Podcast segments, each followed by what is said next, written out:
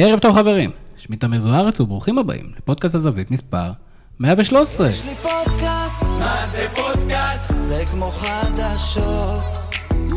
יש לי פודקאסט, מה זה פודקאסט? זה שוב אתם כמו מצטרפים לפודקאסט חדשות. הזווית, פודקאסט של אתר הזווית, הזווית.co.il, אה, כנראה הפודקאסט הביתי בתבל.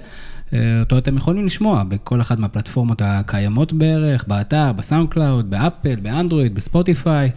אתם מוזמנים להמשיך ולדרג אותנו באפליקציות ולהגיב לנו בדף הפייסבוק שלנו, באינסטגרם, בטוויטר, בקבוצת הגולשים שלנו בפייסבוק. פספסתי משהו ברק? אה, לא. לא, לא נראה לי שיש אופציה. אז אחרי מספר פרקים שזכו לשם אה, בית ספר לכדורגל, החלטנו ללכת לבסיס, לאיפה שהכל מתחיל, הילדים והנערים שלנו. לשם כך הזמנו את המנהל המקצועי של מחלקת הנוער של הכוח רמת גן, ומאמן לשיפור קבלת החלטות, אביב ריין. ערב טוב לכולם. אה, אביב, אנ- אנחנו במהלך השנים אה, מדברים לא מעט על אה, תפקיד המנהל המקצועי בכדורגל הישראלי, אבל מה זה מנהל מקצועי של מחלקת נוער? במשפט זה לעשות סדר, שלכל לא כל מאמן יביא את הגישה שלו למחלקה, זה, אלא שיהיה קו מסוים, מהגילאים הצעירים עד לגילאים הבוגרים. הצלחת, לה, הצלחת לעניין אותי, יפה. ובהתחלה כשאמרת לעשות סדר חשבתי כזה רס"פ, אבל אה, אנחנו נראה איך זה משתלב בעולם הכדורגל. עוד איתנו לצידי מפיק הפודקאסט ברק קורן, ערב טוב ברק. אהלן, אהלן. ברק, אתה, אתה דמיינת שיש בקבוצת נוער שקבוצה בליגה א' מנהל מקצועי? אה, לא, אבל זה... אני עוקב אחרי אביב הרבה זמן בפייסבוק, והוא שם אה, תכנים מאוד שמאוד מאוד מאוד מאוד מאוד מסקרנים אותי ועניינו אותי, אז... אה, אז החלטת להביא אותו. שכולם ייהנו, למה שרק אני אהנה? אז אני רק אספר שיש לנו שלושה מנהלים מקצועיים, יש שניים של חטיבה צעירה, שאני אחד מהם, ויש עוד אחד של חטיבה בוגרת. אתה כל הזמן אומר חטיבה, מחלקה, אה, מה? נעשה תכף סדר. לא אוקיי, בסדר. טוב, אז לפני שנרוץ קדימה... הפרק יתחלק לשלוש, ניתן לי כן, לכל אחד מה- בשלשות. אה, הפינה שלנו, חולמים בגדול, חוזרת גם בפרק הזה. במסגרת הפינה אנחנו מדברים בכל שבוע על שחקן מהליגה שלנו שצריך לחלום ולעבור בעונה הבאה לחו"ל. אה, הפינה בחסות אה, מזרני פנדה, מזרן חלומים מספוג זיכרון איכותי, שעכשיו ברק, יש מבצע לפסח, אתה מזמין את, המז... אתה מזמין את המזרן ומקבל שתי כריות במתנה. ועדיין, אם אתה יכול לעשות את המזרון, את המזרן למאה לילות, והמשלוחים וההחזרות חינם, אז חבר'ה, קיבלתם, אם אתם רוצים להזמין, שתי כריות, מבצע לפסח, לכו על זה. והשם שנדון בו השבוע הוא איש שהיה בכותרות בשבוע האחרון, אריאל הרוש, השוער של הפועל באר שבע ונבחרת ישראל. עכשיו, הוא כבר בן 30, אבל אה, כן, הוא יהיה במאי אה, בן 30, והוא כבר שיחק בלא מעט קבוצות, והוא לא מצליח, אה, אתה יודע, לתקוע יתד, ובעקבות הרעיון שלו השבוע, הוא כנראה גם לא ימשיך בהפועל באר שבע בשנה הבאה, ועכשיו נשאלת השאלה, אה, האם בגיל 30 זה הזמן שוב לצאת לאירופה, ואם כן, איזה אירופה? אה, קודם כל, אה, אני לא חושב שב- שיש לו ברירה כרגע, בגיל הזה כבר... ב- ב- אז השחקן הספציפי הזה, בליגה הספציפית שלנו, הוא קצת שרוף בכל שאר הקבוצות הגדולות, לדעתי נשארה לו רק מכבי- חיפה, ומאמין שהתפקיד תפוס. לא, גם מכבי תל אביב, אה, הוא יכול, רייקוביץ' הולך, אולי. אה, פחות זה. אני רוצה להתייחס כן ל- לרעיון הזה שעלה היום שלו. זה קצת תבוסתני כזה, לא יודע, הדבר הזה, ששחקן מרשה לעצמו בכלל, אחרי עונה כזאת של הקבוצה, אה, גם אם הוא מסופסל, והוא נתן שתי הופעות טובות בנבחרת, זה יפה וזה טוב, ואנחנו מכבדים את זה, באמת הופעות מדהימות, אבל שהוא מרשה לעצמו אחרי שתי הופעות כאלה, לצאת לתקשורת לא, אה, ולפתוח על המועדון שלך, זה נראה לי אקט לא מנותק לחלוטין, אני לא מבין מה הוא חשב לעצמו, מה, מה הוא ניסה להשיג ברעיון הזה. לדעתי הוא שרף את כנראה עצמו. רצה, רצה להשיג שחרור. זה ככה יש. דרכים קצת יותר אה, נעימות לעשות את זה. אני דווקא מסתכל מהצד על הדברים שלו, וגם בתור מאמן. אה, חושב שהדברים שהוא אמר הם דברים די נכונים. אה, בסך הכל הוא שוער טוב, הוא לא אמר משהו רע על המועדון, הוא רק אמר שבתור שוער שני לדעתי הוא לא, הוא לא מוכן להמשיך, שזה לגיטימי מאוד. זה לא אומר שהוא לא צריך להתאמן ולעבוד קשה ולהשיג את המקום שלו. אה, אני חושב שהוא שוער טוב, הוא הוכיח את זה לא מעט פעמים. אה, לדעתי יש לו מקום גם בהפועל באר שבע כשוער ראשון. שמענו שרייקוביץ' כנראה יעזוב את מכבי, אז גם לדעתי במכבי תל אביב יש לו מקום כשוער ראשון. אבל א' כל, למה להוציא את זה החוצה? ב', זה כאילו, בעקבות הופעה וחצי בנבחרת, הוא כאילו מחריג את עצמו מהעונה של הפועל באר שבע. אני טוב, אני מדהים, כל שאר הקבוצה היא פשוט הייתה פח השנה, אז בגלל זה אני לא הצלחתי. אני לא חלק בכלל מהאשמה הזאת, בוא, אני מגיע לי לשחק. לא, לא מגיע לך, אתה גם לא היית טוב. אני, אני לא, שוב, אני לוקח תמיד כל הרעיונות האלה בערבון מאוד מאוד מאוד מאוד מוגבל, אבל כן זה נכון שלאריאל הרוש, איכשהו נדבקים אליו אה, מקרים. שבהם בעקבותיהם הוא עוזב את המועדונים שלו, בית"ר ירושלים, אני חושב שהוא כנראה בצד הנכון. אה, בשאר המקומות, אה, כנראה שפחות, הוא יצר איזה אנטיגוניזם, ושוב, לא הצליח אה, לשרוד אם הקבוצות שלו ירדו ליגה, או גם בקפריסין, שהוא עשה שנה אחת טובה, שוב, על פי הפרסומים, אני לא יודע מי רואה את הליגה הקפריסאית. אתה רואה את הליגה הקפריסאית? לא יצא לי. לא יודע, לא בטוח שנשיא קפריסין רואה את הליגה הקפריסאית. אני שמע, מי שבקבוצת הוואטסאפ שלנו, אני קורא לזה הליגה שמלבינה כישלונות. אה, כל מי שטיפה קצת פחות טוב, הולך לליגה, נותן איזה עונה כן, טובה, אף אחד לא יודע מה קורה שם אגב. ואז הוא חוזר... כאילו לבן חדש לחלוטין. סחור. יש מאמנים שעושים את זה, שוערים שעושים את זה, וגם שחקנים שעושים את זה. בסופו של דבר, קבוצה מפסידה ומנצחת ביחד. להגיד שהוא היה הבורג הבעייתי בהפועל באר שבע, או להטיל עליו את כל האשמה, זה... זה לא כל כך מדויק, זה יש עוד המון שחקנים מסביב שכנראה... אבל אם הוא היה שותק ועושה את זה בסוף השנה, הייתי מכבד את זה. להגיד את זה תוך כדי שנה, ובעצם גם להטיל רפש, זה באופן עקיף מטיל רפש על האחרים, זה מאוד לא קבוצתי בעיניי. לא, אין ספק, אבל בואו בכל זאת אה, נכבד את הפינה שלנו עם ניתוח מקצועי מסוים. לאן, לאן אריאל הרוש צריך ללכת? אה, כמו שאמרתי, יש שתי אופציות בארץ שהן לא הפועל באר שבע לדעתי, שזה מכבי חיפה, שאני מאמין שהם ירצו להשתדרג בעמדת השוער. כן? אתה חושב שירצו להזיז את גיא חיימוב מהתפקיד? אמ, אני מאוד אופתע. לא יודע להגיד לך, זה, זה נראה לי, אתה יודע, מבחינת, הוא שוער נבחרת, הוא נתן שתי הופעות טובות מאוד. אה, במכבי תל אביב גם מחפשים שוער לדעתי, במקום, היו דיווחים שרייקוביץ' רוצ, רוצה לעזוב, אני פחות בקיא בנושא הזה, אבל אם רייקוביץ' עוזב ויכולים להביא שוער ישראלי בכיר, יכול להיות גם אופציה טובה. גם אני לא בטוח שהפועל באר שבע ימהרו לשחרר אותו. זה שהוא אמר שהוא יעזוב אם הוא לא יהיה שוער שני, אם הוא יישאר שוער שני, לא בטוח. אין צורך לשלם את הסכומים האלה לשוער שני, במידה והוא יישאר שוער שני. אוהד לויטה, השוער הראשון כרגע, אחרי כמה הופעות טובות. עושה עבודה לא- טובה. עושה עבודה טובה, אבל הוא שוער שני קלאסי של הקבוצות. רב הנסתר הגלוי, אם אני הייתי צריך להמר, הייתי אומר, אה, קפריסין, it is. לגמרי. ואני הייתי, גם זה קרוב, אתה יודע, זה קצר. טוב, אז... זה באמת הייתה פינת חולמים בגדול שלנו, וכמו שהבנתם, יש לנו נושא אחד אה, משמעותי על הפרק, אימון אה, ושיטות אימון לילדים ולנוער, יחד עם אה, אביב. אנחנו נדבר קצת אימוני שונות, אני מקווה שהגיתי את זה נכון, קצת על עיקרי השיטה, כמות מול איכות, התנהלות מאמן, במהלך השבוע מול שחקנים והורים, מה שיש פחות בבוגרים, נכון, יש לנו בתיה סער ויש לנו יעקב בוזגלו, אבל לרוב אתה לא פוגש הרבה הורים. וטיפה על החוויה של לאמן את, את, את העתיד. ואז בוא נתחיל, אביב. קודם כל, איך, איך הגעת למקום שאליו הגעת? מה, תספר לנו קצת על המסלול חייו של אביב ריין. אתה יכול לוותר, תודה, לאיפה נולדת. אה, מסלול חיי, שיחקתי כדורגל בגילאים הצעירים, תמיד כשאני מסתכל עכשיו אחורה, אה, בקבוצות שהתאמנתי, לא היה לי את המאמן שתמיד היה נותן את האקסטרה, שמדבר איתנו על הדברים הנוספים, שמסביר לנו כמה זה חשוב להתאמן מעבר לשעות האימונים, אה, שנותן לנו המון כלים שהם מעבר לכדורגל, ו- ובאיזשהו שלב הגעתי למסקנה של ללכת ולשחק בליגות נמוכות זה לא החלום שלי, והחלום שלי זה כן להישאר בכדורגל. אז התחלתי לעבוד במחלקות נוער. בהתחלה השאיפה, כמעט כמו כולם, הייתה להתקדם לכיוון הבוגרים.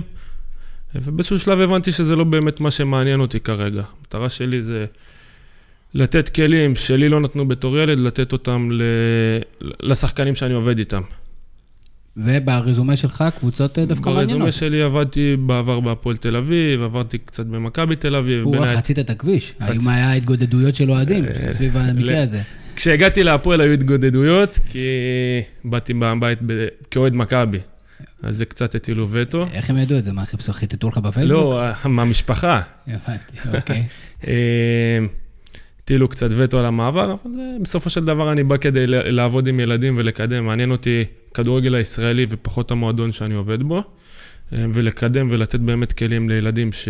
שנמצאים תחתיי. אה, במכבי תל אביב עשיתי איזשהו פרויקט שהיו תחתיי ותחת בחור שעבדתי איתו בשם רוני, כמאה ילדים, היינו עושים אימוני העשרה, שעיקרי האימוני השערה זה היה לשפר את קבלת ההחלטות של הספורטאים, ללמד אותם לחשוב תוך כדי תנועה, ללמד אותם להסתכל על כל המגרש ולא רק על הכדור, ועוד, ועוד המון דברים ש, שעובדים עם ילדים כדי לייצר ספורטאים, כדי לייצר שחקני כדורגל יותר טובים. ואז סיימת את הפרויקט הזה במכבי תל אביב? סיימתי את הפרויקט במכבי תל אביב, ואחרי שנה התחלתי לעבוד בהכוח רמת גן. הגעתי למחלקה שהיא, יכול להגיד, לא הייתה איפה שהיא נמצאת היום. הגעתי לאימון הראשון, היו בערך עשרה שחקנים, אבל גדלתי בתור ילד בהכוח, אז רציתי לקחת את, ה... לקחת את זה ול... ואת הפרויקט הזה ו... ולהרים את המועדון קדימה ביחד עם האנשים שהיו איתי, אם זה מוטי, אה, פוזיילוף, אה, והיום, לפני שלוש שנים הגענו, היו בערך קרוב ל-100 ילדים, היום המחלקה כבר אחרי כמעט שלוש שנים מונה כבר כמעט 400 ילדים. וואו. זה שיפור ענק, ואני מאמין שהיד עוד נתנויה, ואנחנו נתקדם ונשתפר. נשמע מרשים. מרשים מאוד. כמה קשה אה, להילחם על ליבו ורגלו ומחשבתו של שחקן במרכז עם כל כך הרבה קבוצות וכל כך הרבה מחלקות אה, מפוארות? תראה, אה, זה מאוד קשה, אני לא אשקר. אה, במיוחד שיש סביבנו קבוצות כמו מכבי תל אביב, הפועל תל אביב, בני יהודה, מכבי פתח תקווה, שזה היום, כל, זה קבוצות שכבר, גם בגילאים של 14-15 כבר מציעות כסף לשחקנים, אז מאוד קשה לנו להתמודד עם זה. זה לא אסור? אה, לא יודע מבחינה חוקית להגיד לך. אוקיי. אה, אני יודע שיש כן. חוזים גם בגילאים יותר צעירים. מבחינה משפטית, זה לא התפקיד שלי, אז אני לא מתערב. נכון, נברר את זה עד הסוף. אחד הדברים ש, שכן חשובים לי, וכן אני אעביר אותם במהלך השיחה שלנו, זה של... בעיות בסופו של דבר תמיד יש. צריך למצוא פתרונות לדברים, לא להתעסק בבעיות, ואנחנו, כן אני יכול להגיד שאני מנסה למצוא איזשהו פתר, פתרונות יצירתיים ביחד עם הצוות, ו, ו, וכן לגרום לשחקנים להישאר במועדון שלי, ולא ללכת למועדונים גדולים. תן לנו דוגמה. זה אחד, זה אימוני העשרה, אה, תנאים מסביב, אה, גישה של מאמנים שהיא גישה שהיא הרבה יותר אנושית, אה, כלים שלא בטוח שמקבלים במועדונים אחרים.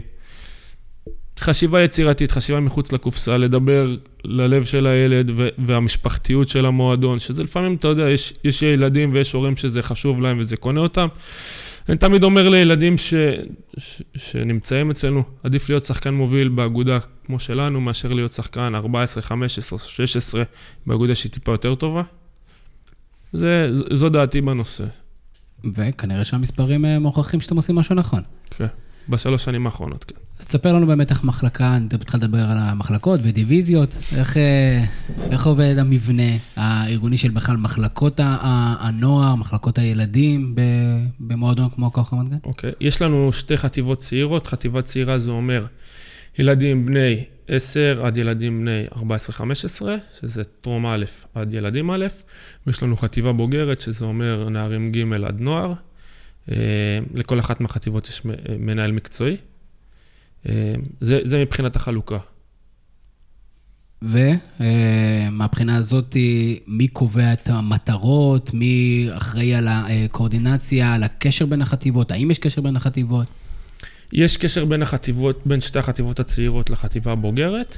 אה, אני יכול להגיד שבחטיבה שאני אחראי עליה, אנחנו גם פעם בשבוע שולחים שני שחקנים להתאמן עם, קבוצה, עם הקבוצה יותר בוגרת. גם אצלי בחטיבה אני עושה את זה באופן קבוע תמיד. כל תחילת שבוע שני שחקנים, שניים או שלושה שחקנים הולכים להתאמן עם הקבוצה יותר גדולה, אה, כדי לחשל אותם, לתת להם עוד כלים. אה, זה סוג של פרס גם, זה לא, לאו דווקא השחקנים הכי טובים, אלא שחקנים שעובדים ומשקיעים. אה, אין כרגע, אני יכול להגיד שזה אולי משהו שאנחנו כן צריך לעשות, אמרתי, זה מחלקה בצמיחה, אין כרגע מטרות מוגדרות. אנחנו קודם כל שמים, זה, זה מועדון מאוד משפחתי. אנחנו, הכדורגל אצלנו הוא, הוא לא הדבר הכי חשוב, הוא כן, הוא כן מאוד חשוב, ויש פה, נדבר על זה גם בהמשך, הוא כן מאוד חשוב, אבל אנחנו חושבים, לפחות זאת הגישה שלנו, ש, שבעזרת הכדורגל אפשר להשיג המון המון דברים אחרים שהם לאו דווקא, לאו דווקא קשורים לכדורגל.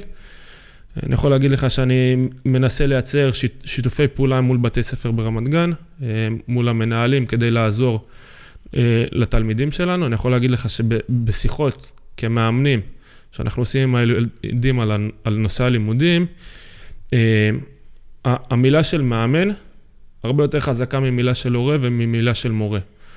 אה, אז אני יכול להגיד שיש אצלנו במחלקה לא מעט שחקנים שהשתפרו בנושא הלימודי בגלל שיחות אישיות שעשינו להם והעברנו להם שאם לא יהיה שיפור בלימודים אנחנו נצטרך לשקול את ההמשך שלהם בכדורגל והסברתי להם, אני תמיד מסביר להם את הקשר של באופי של הילד בין השקעה בלימודים לבין השקעה במגרש, מה, מה יגרום לו, איך יגרום לו להיות יותר טוב בלימודים, איך זה יעזור לו להיות יותר טוב במגרש.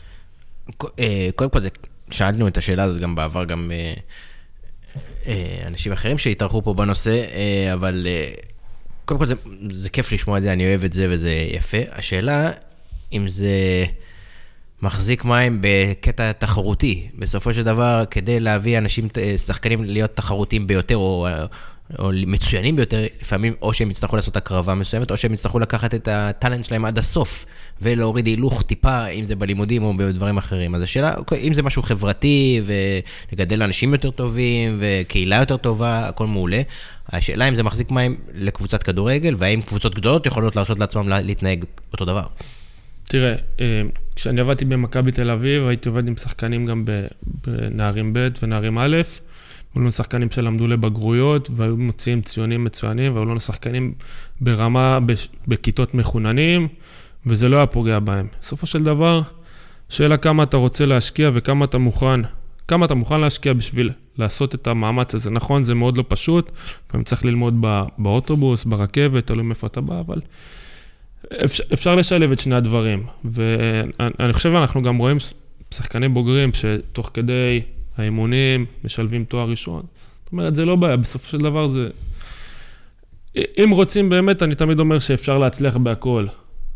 השאלה כמה באמת אתה רוצה. השאלה מועדון גדול. מועדון גדול מאוד, גדול, שמחשיב את עצמו מועדון אה, נוער גדול, יוותר על שחקן טאלנט מדהים בגלל שהוא נכשל בלימודים? זה, זה בסופו של דבר כמה אתה הולך עם האמת שלך ועם העקרונות שלך ועם הדרך שאתה מאמין בה. אה, אני יכול להגיד היום ששמעתי באיזשהו מועדון, שהגישה שלהם אומרת ההפך, לא מעניין אותי אם יהיו תלמידים טובים או לא. מעניין אותי בסופו של דבר אם הם יהיו שחקני כדורגל. אז זאת גישה שאני ממש לא מסכים איתה. אה, אבל אין נכון ולא נכון בכדורגל, זה, זה כל אחד והאמת שלו. דרך אגב, אמרת אה, אוטובוסים, רכבות, אתם מצליחים למשוך שחקנים שהם לא מהמרכז? מעט מאוד, בכוח אני יכול להגיד אולי על שניים, שלושה שמגיעים יחסית מרחוק, אבל לא... יד אליהו כזה. ליד אליהו, כן. הבנתי. אה, דרך אגב, למי אתה מדווח? על מה? זאת אומרת, על הפעילות שלך, מי, מי הממונה עליך במועדון אה, הכדורגל? המנהל של מחלקת הנוער הוא מנהל סלש בעלים של מחלקת הנוער בשם מוטי פוזיילוף, עובדים בשיתוף פעולה, אה, זהו. מעניין מאוד. וחלק מהדברים שאנחנו רוצים לדבר עליהם זה מה שאתה מגדיר אימוני אה, שונות. נכון. תספר לנו קצת על, על הביטוי הזה, שאני הצלחתי, למרות שלא היה איות, להגיד אותו נכון. פעם הבאה ננקד את זה. בדיוק. אני אתן לך, אתן לך איזושהי דוגמה. תחשוב עכשיו שאתה הולך פה בפארק הירקון בתל אביב, ואתה רואה מישהו עושה במשך חצי שעה את אותו דבר. מה תחשוב עליו? שהוא משקיע. משקיע. עכשיו תיקח את אותה סיטואציה, אבל תינוק בן חצי שנה עושה את אותו דבר במשך חצי שעה. אם זה בוכה, זה קטסטרופה. אה, שתינוק בן שנה עושה משהו חצי שעה... רצוף. אה, שהוא לא אוהב את זה, שהוא תקוע. שהוא תקוע, שהוא צריך טיפול, נכון? כן, אני בסדר, בכיוון? זה לא כולו שואלים אותי פה שאלות. זה בדיוק הגישה, זה בדיוק הגישה. אה, קצת לגבי אימוני השונות, זה גישה שפיתח פרופסור שלורן. אה, הוא עשה תואר בביומכניקה, הוא הוא, אני לא אעלה אתכם בפרטים הכביכול משעממים, אלא ביותר הפרטים המעניינים. אה, המאמן כושר של כל ברצלונה, של כל מועדון ברצלונה, כדורגל, כדורסל, כדוריד, הוא תלמיד שלו. אה, אה, שלון הוא מהראשונים שהכניסו את האימונים האלה בכלל בעולם, הוא עשה את זה בברצלונה, כשמסי ואיניאסטה וצ'אבי עוד היו ילדים. הוא כרגע עובד, מה זה עובד? הוא כבר לא ברמה של מאמן, הוא ברמה של מייעץ למועדונים כמו בנפיקה, פורטו, הופנהיים, מיינץ, מועדונים ברמות הכי גבוהות באירופה מבחינת פיתוח שחקנים, הוא התחיל לעבוד כרגע גם, לייעץ גם לאייאקס, מועדונים בטופ. נשמע שאתה עוקב אחריו. האמת שאני יכול להגיד שהאימונים שלי היו די, די יצירתיים ודי חדשניים לעומת מה שלדעתי קורה פה בארץ, ויצא לי לראות לא מעט אימונים, אבל בכמה ימים של השתלמות איתו, הוא פשוט הבין שכמה שאני עושה דברים שלדעתי הם מיוחדים, אני עדיין מאוד רחוק בתפיסה ובהבנה ממה שבאמת צריך להיות בעולם. ומה התפיסה בעצם אומרת? אה, הוא לקח וחקר מקרים אה, בענפי ספורט שונים, והוא הגיע לתוצאה מאוד פשוטה, להבנה מאוד פשוטה של שאין שתי פעולות במשחק שהן זהות אחת לשנייה. וכשדיברתי איתך קודם, נתתי לך את הנושא הזה של בן אדם שעושה את אותו דבר חצי שעה, אז לקחת כדור ו- ולבעוט לשער, חצי שעה, אות- אות- אותה בעיטה בדיוק, זה לא רלוונטי. המטרה זה לייצר יותר, אה, יוצא, יותר מצבים שונים במשחק, אוקיי? מה זאת אומרת? למשל, אה, בעיטה מכדור שמתגלגל, בעיטה מכדור שקופץ, בעיטה שכדור בא מאחורי הגב, בעיטה שהכדור, כש, כשאתה צריך, לא יודע, לקפוץ על רגל אחת, או לקפוץ מעל תיקול של מישהו ולבעוט. בסופו של דבר, מה שחשוב זה שאין שתי בעיטות אותו דבר. מה שחשוב זה איך אנחנו מכינים את עצמנו לבעיטה, איך אנחנו מתארגנים לבעיטה, איך אנחנו מתארגנים לפס. איך אנחנו מתאימים את עצמנו למצב המשתנה. בדיוק, זה, זה, סיכמת את זה יפה מאוד. אה, אני בקיא מאוד, אני ושרלון אה, חברים. חברים טובים. כן. אה, ואוקיי, אז אתה אומר, הוא... אין. זה, אז איך מיישמים את זה? ואם זה כזה פשוט ומובן ונכון, למה לא כולם עושים את זה? אה, למה לא כולם עושים? זו שאלה מצוינת. אני יכול להגיד שרק עכשיו הוא היה פה בארץ, העביר השתלמות והיו בערך 15 מאמנים, שלא כולם מהכדורגל.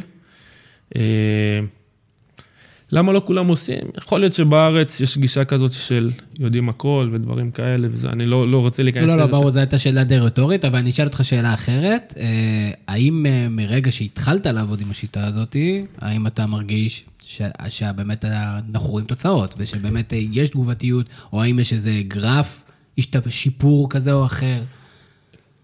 הדבר הכי חשוב בעבודה עם ילדים זה הנאה. אז קודם כל יש גרף בהנאה של הילדים.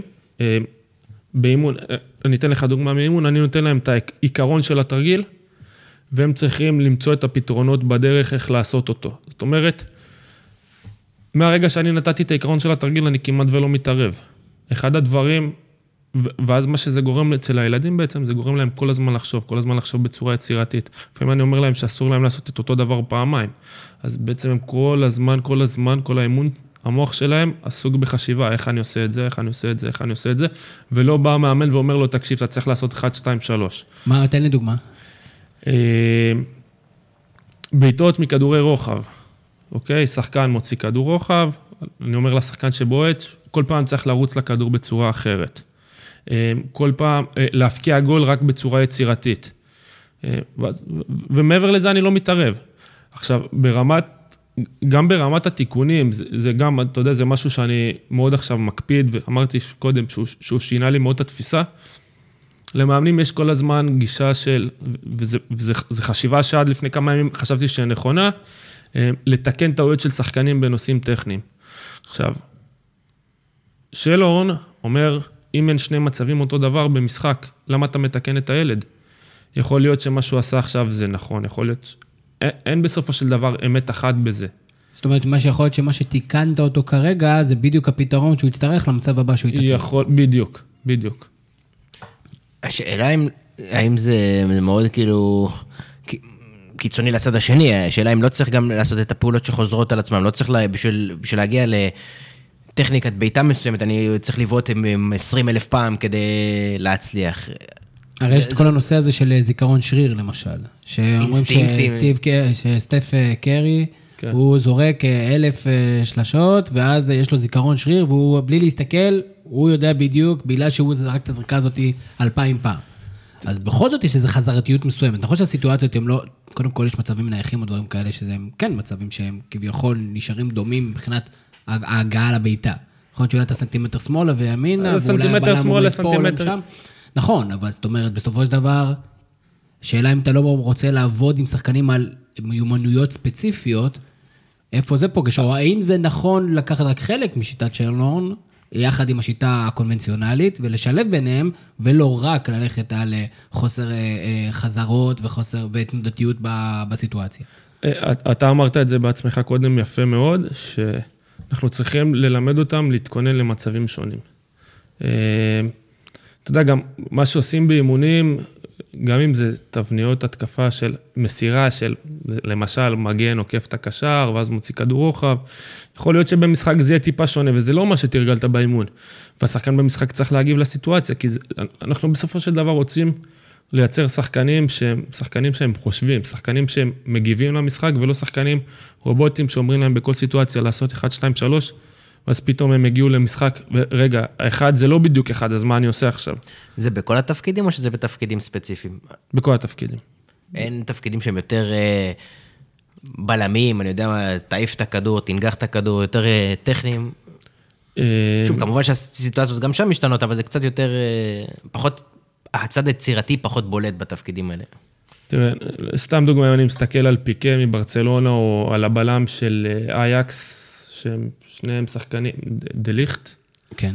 שניהם שחקנים היום ברמה של מניעים כדור ויצירתיים ויוצאים ל, ל, ל, להתקפות ביחד. זאת אומרת, היום כל שחקן צריך לחשוב, אין, נגמר הימים של ראש קטן ו, ולחשוב, ו, וצריך יותר לחשוב ויותר להיות יצירתיים.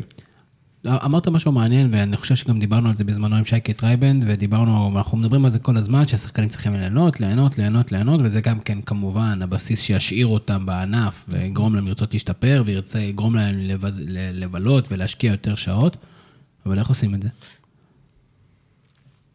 איך גורמים להם ליהנות? כן. הרי בסופו של דבר צריך לרוץ את השניים, שלושה קילומטרים האלה בשביל לשפר סיבולת לב ריאה, וזה בדרך כלל לא כיף, ו- וצריך אה, גם אימונים ללא כדור, וצריך גם כן... אה, תרשה לי, תרשה לי לחלוק עליך. מעולה, אה, ספר לי. אימוני סיבולת, תלוי באיזה גיל. אני יכול להגיד לך שאני עדיין לצערי רואה המון המון קבוצות, מועדונים, שהחימום שלהם בתחילת האימון זה ריצה מסביב למגרש. זה דברים שלי בתור ילד לפני 20 שנה עשו וסבלתי מהם. זה דברים ש, שלדעתי ברוב המדינות בעולם כבר לא רואים. היום חימום צריך להיות עם כדורים, היום את כל הריצות אפשר לעשות עם כדורים, את כל האימונים, קראת לזה סיבולת, סיבולת אנאירובית עושים תוך כדי משחקונים. נגמר הימים של לרוץ בלי מטרה. היום הכל אפשר להשיג עם עבודה בכדור. אה, עבודה שהרבה יותר מעניינת, הרבה יותר כיפית לשחקנים, דופק מאוד גבוה, אה, יותר דומה למצב של משחק גם, מבחינת ספרינט, הליכה, ריצה. זאת אומרת, נגיד, שמירה על המשחקיות, אה, בטח בגילאים הצעירים. הלך. כן, כל גם, גם בגילאי בוגרים, גם בגילאי בוגרים. מה לגבי תחרותיות? מה הייתה? האם, מאיזה גילאים? או האם זה מעניין אותנו להיות תחרותיים כבר מההתחלה? והאם זה לא מדכא... אה, אתה נכנס פה לדלת פרוצה, כי יש פה...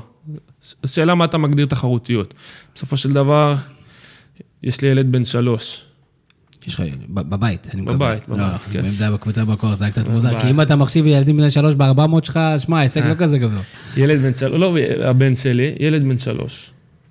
כבר, כבר תחרותי. אנחנו נוצרים עם יצר תחרותיות. מכביסט. אה, אז עוד פעם, אנחנו צריכים לעשות, להחליט, תחרותיות זה בסדר. שאלה מה אנחנו מחפשים בתחרותיות. כשאתה אומר תחרותיות, לדעתי התכוונת יותר לניצחון. אה, כן, בכלל, לליגה, ומאיזה גילאים ליגה. אני חושב שגם אחת מהשאלות הגולשים שלנו הם, הם כזאת, היא כזאת, כי אנחנו הרבה פעמים מדברים על זה שבישראל הליגות מתחילות יותר מוקדם, ואז אם אתה מפסיד, זה, איך זה משפיע עליך, ובכלל שמודדים לפי ניצחונות, ואת מי זה מעניין אם הקבוצה שלך ניצחה בנערים ג', כן או לא. נכון, אז- אז, אז- אז, אז, אז בוא אני אעשה סדר. סדר קצת. אה, קודם כל, מועדון, כדורגל, אה, צריך להיות בקו אחד, מה זאת אומרת? אה, וללכת עם משהו שהוא מאמין בו, וללכת, אה, וללכת עם זה עד הסוף. זאת אומרת, מילה פה של הורה, מילה שם של הורה, לא אמורה לשנות את הדרך של המועדון. הניצחון, ואני עכשיו, יש לנו קבוצות בגילאים, כבר, קבוצות ליגה שמשחקות אחת לשבוע מגיל 10 בערך, 10-11, ניצחון הוא חשוב. כבר בגיל הזה הוא חשוב, כי אנחנו כן מלמדים את הילדים בסופו של דבר כדורגל בשביל לנצח, אנחנו לא מלמדים אותם בשביל להפסיד. איפה, איפה הקו עובר? שהניצחון הוא חשוב, אבל הוא לא הדבר הכי חשוב במשחק, הוא לא הדבר הכי חשוב בגילאים האלה, וזה, הבדל פה מאוד קריטי. אה, לפני כמה, לפני שבועיים בערך הייתי איזה כתבה על ריאל מדריד, על המחלקת נוער שם, שהניצחון שם הוא הדבר הכי חשוב. אז זה נכון שהניצחון הוא חשוב, אבל הוא יכול להיות ששם הניצחון גם הוא הדבר הכי חשוב, כל עוד הוא מושג בדרך שהם רוצים. אז גם אצלנו אנחנו מאוד רוצים לנצח, זה מאוד כיף לנצח, זה מאוד כיף ללמוד ולנצח. אנחנו לא באים לשחק כדורגל בשביל להפסיד, אבל אנחנו לא נעשה דברים שיפגעו בילדים בגלל שאנחנו רוצים לנצח. למשל, אני אתן לך מקרה אחד, אה, בגיל שאני מאמן, בשליש האחרון של המשחק, מותר לעשות שתי עצירות. שתי עצירות בשביל חילופים, כדי שלא יהיה יותר מדי בזבוזי זמן. משחק, באחד המשחקים, מאמן של הקבוצה היריבה עשה, עשה, שני, עשה שתי עצירות, ואז הקים עוד שני ילדים להתחמם. בטענה, ואז הוא בא להכניס אותם, השופט אמר לו, תקשיב, אין לך עצירות. אז, ואז הוא אמר לילדים, אוי, התבלבלתי. עכשיו, כבר לפני זה, כש... אני אלך צעד אחורה, כשהוא עשה את העצירה השנייה, הוא אמר, לש... אה, כשהוא עשה את העצירה הראשונה, הוא אמר לשופט, יש לי רק עוד עצירה אחת, נכון? זאת אומרת, הוא, הבנת למה אני מתכוון?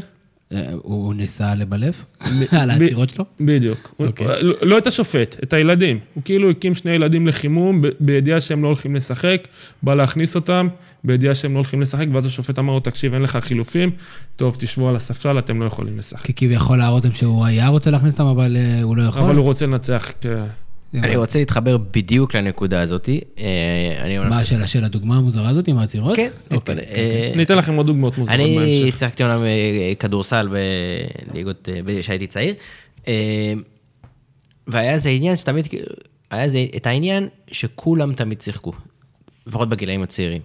אז חשוב לי לשמוע איפה אתם בנושא הזה, לא, בדיוק, וזה מתחבר לאותה נקודה של תחרותיות. נכון. כלומר, איפה התחרות נגמרת, ודיברת גם על הנאה. אם בן אדם לא משחק, הוא לא נהנה. עכשיו, אה, אז בוא נשאל את זה, ויש איזו שאלת המשך, שוב, אותה הנאה, שתכף תתייחס לזה בהמשך, שזה, אותנו לימדו, לפחות הגישה הישנה, שהצלחות או אנשים שממש ממש ממש מצליחים, הדרך שם היא מאוד סיזיפית וקשה, ולא, לא, אין בה שום הנאה, אתה צריך לעבוד, לעבוד, לעבוד קשה, לעבוד קשה, לעבוד קשה. אוי ואבוי. ורק ככה אתה מגיע להצלחות מאוד מאוד מאוד מאוד גבוהות. אז בואו נתחיל כאילו מההתחלה לגבי כולם, ואז... תראה, מה שאנחנו, בשיחות, הישיר, בשיחות הקבוצתיות עם ההורים בתחילת השנה, גם כמאמן וגם כמנהל מקצועי אצלנו במחלקה, הסברתי להורים שהדקות משחק הם פרס על ההתנהלות במהלך השבוע. אה, זה מבחינת הגעה לכל האימונים, מבחינת קצב באימונים, מבחינת רצינות באימונים, מבחינת הבאת ציוד לכל האימונים, וכתוצאה מזה הדקות משחק אה, ואני תמיד אומר את זה לילדים, בסופו של דבר מי שקובע את הדקות משחק בשבת זה אך ורק אתם. כמה תהיו רציניים במהלך השבוע, כמה תעבדו, אה, כמה תקפידו על כל הדברים, אתם תשחקו יותר. אה, אני יכול להגיד לך שגם אצלי בשבתות, יש שחקנים שאם הם לא מתאמנים כמו שצריך, או לא מגיעים לכל האימונים, או לא מקפידים על דברים ושוכחים להביא דברים, הם לא משחקים ביום שבת. השאלה אם יש לך כאלה שהם בוודאות, שוב, קשה להתייחס לזה, אבל אם יש לך שחקן שבוודאות שאתה יודע שהוא, תכניס אותו, הוא יוריד את הרמה, ואתה באקט תחרותי כרגע, שאתה בתיקו, לא יודע מה, אבל הבן אדם לא רוצה לשחק, והוא רוצה לשחק, כי הוא ילד, ואתה גומר אותו אם הוא לא משחק. אני אתן לך דווקא דוגמה מזמן, באחד המועדונים שעבדתי, היה לי שוער בגילאי שמיניות, אה, שוער שכשהוא נכנס, תמיד ידענו שהרמה יכולה לרדת. אה, ואני לא אשכח את זה, היה לנו משחק סוף עונה, משחק בירושלים, נגד בית"ר ירושלים, והתוצאה הובלנו בשער אחד, שמיניות זה שני מגרשים, הובלנו שער אחד או שניים, אני לא זוכר, 20 דקות לסוף, ואמרתי אני אכניס אותו ולא משנה מה יהיה. ו, ובסופו של דבר, הוא היה בסדר והוא גם לא קיבל גול, ואבא שלו בא אליי בסוף המשחק, הוא אומר לי, אביב, תדע לך, אני לא אשכח בחיים את מה שעשית לי, מה שעשית לי היום. אני... כי הוא ציפה שהוא יפתח. כי הוא ציפה שהוא לא יקבל אפילו דקה. ואנחנו צריכים לזכור שבסופו של דבר אנחנו עובדים עם ילד, אז אם הילד עובד קשה ומשקיע וזאת הרמה שלו, אז או שתשלחו אותו למועדון אחר, או שתיתנו לו לשחק, ותדעו שזה השאלה, מה שיש לכם. ואני באמת מקשה עליך, כי אני, זה חשוב לי, לא כי... ולהקשות עליך. השאלה אם אפשר לבנות ככה מועדון תחרותי, כי הגדולות, או לא משנה מה, לא יעשו את זה, הם, הם, הם יהיו תחרותיים והם ינצחו, אמנם קצת בגילאים יותר גדולים. אה, השאלה איפה, שוב, אבל גם השאלה שם, מה אבל המטרה. גם המועדונים הגדולים, יותר כביכול שמושכים עוד יותר, אז גם להם יש את השחקן היחסית פחות טוב מאחרים, אבל ואז הוא- שאלה אם משתפים אותו. בדיוק, אני אומר, אתה רואה את המועדונים שמצליחים יותר, אני מניח שהם לוקחים את זה קצת יותר לקטע קצת יותר תחרותי ופחות הנאה, והפחות טובים פחות ישחקו, ובגלל זה הם מצליחים יותר.